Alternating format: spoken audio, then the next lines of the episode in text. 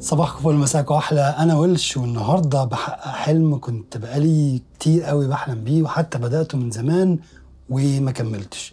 وهو فيديوهات قصيرة فيها معلومات علمية تفيد أي حد بيتفرج عليها ومتبسطة قوي. فأتمنى إن سلسلة تخيل هي ده هو ده اسم السلسلة وعلى فكرة هتنزل على فيسبوك وهتنزل على القناة في نفس الوقت. أتمنى إن سلسلة تخيل تفيد أي حد وكل الناس اللي هيتفرجوا عليها.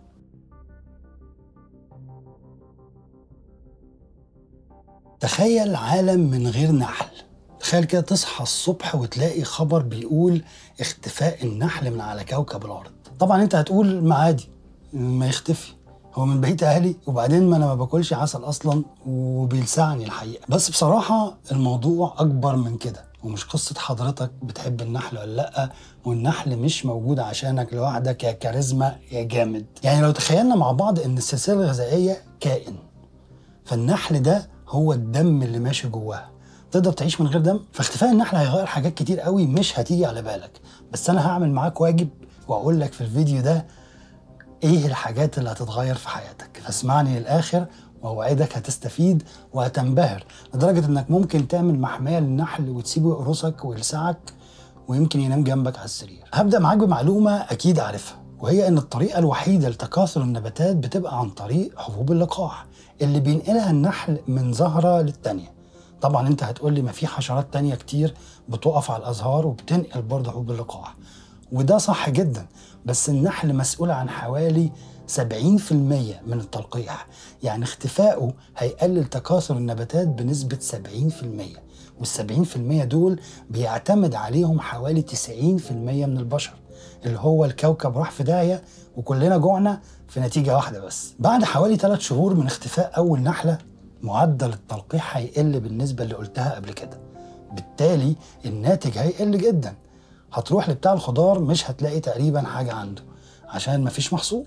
وبالتالي اللي هيكون موجود أو متخزن أو قدر ينجو بأي شكل أسعاره هتبقى في السماء. اللي هو شبكتك هتبقى خس وجزر والغني قوي هيجيب لك طماطماية وتفاحية بالعدد. يعني رايحين ناحية المجاعة بسرعة صاروخ من صواريخ إيلون ماسك. بس إحنا عندنا قمح وذرة والاتنين مش محتاجين نحل ولا حاجة والتلقيح بتاعهم بالهواء ودي حقيقة بس تقدر تعيش قد إيه عليهم؟ أجسامنا هتتغير جدا مع تغير الدايت بتاعنا. والتغير ده ممكن ما يبقاش الأحسن مع اختفاء النحل. كمان مش البشر بس اللي بيعتمدوا على الخضروات. عندك الحيوانات اللي إحنا بناكلها واللي بتاكل برسيم مثلا. فمع اختفاء البرسيم الإنتاج الحيواني هيقل جدا. أنت متخيل إن البني آدم العادي اللي مش أكيل بياكل لوحده 35 كيلو لحمة؟ في السنة. يعني من الآخر كده اختفاء النحل هيؤدي لانهيار السلسلة الغذائية على الكوكب والاتجاه ناحية المجاعة بسرعة جدا. مع اختفاء عناصر غذائية كتير قوي بنحتاجها كل يوم من غير ما نحس آه، يؤدي لمشاكل صحية كبيرة. وبالتالي الحاجة الأدوية في منها كتير جدا بيعتمد على النباتات والحيوانات اللي اختفت في الأول. فاكرها دي؟ ده معناه إن الأدوية هتبقى أقل واللي موجود هيبقى أقل جودة وغالي جدا. ده غير إن مع انهيار الزراعة الاقتصاد هينهار والبطالة هترتفع وحتى أسعار الوقود هتبقى في السماء. ده غير إن الملابس زي القطنية مثلا هتبقى غالية قوي وقليلة قوي. ومع الاعتماد على الوقود الإحفوري اللي هو التقليدي التلوث هيزيد أكتر ما هو زايد.